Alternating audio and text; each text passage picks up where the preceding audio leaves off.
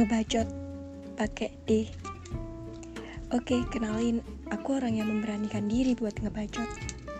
Ngebacot tentang apa pun, entah itu tentang masa lalu, tentang cinta, tentang isu publik atau tentang opini-opini. Pokoknya apa pun deh.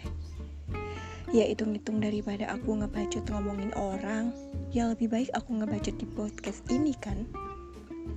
Oke, sekarang aku yang ngebacot, kamu yang dengerin ya.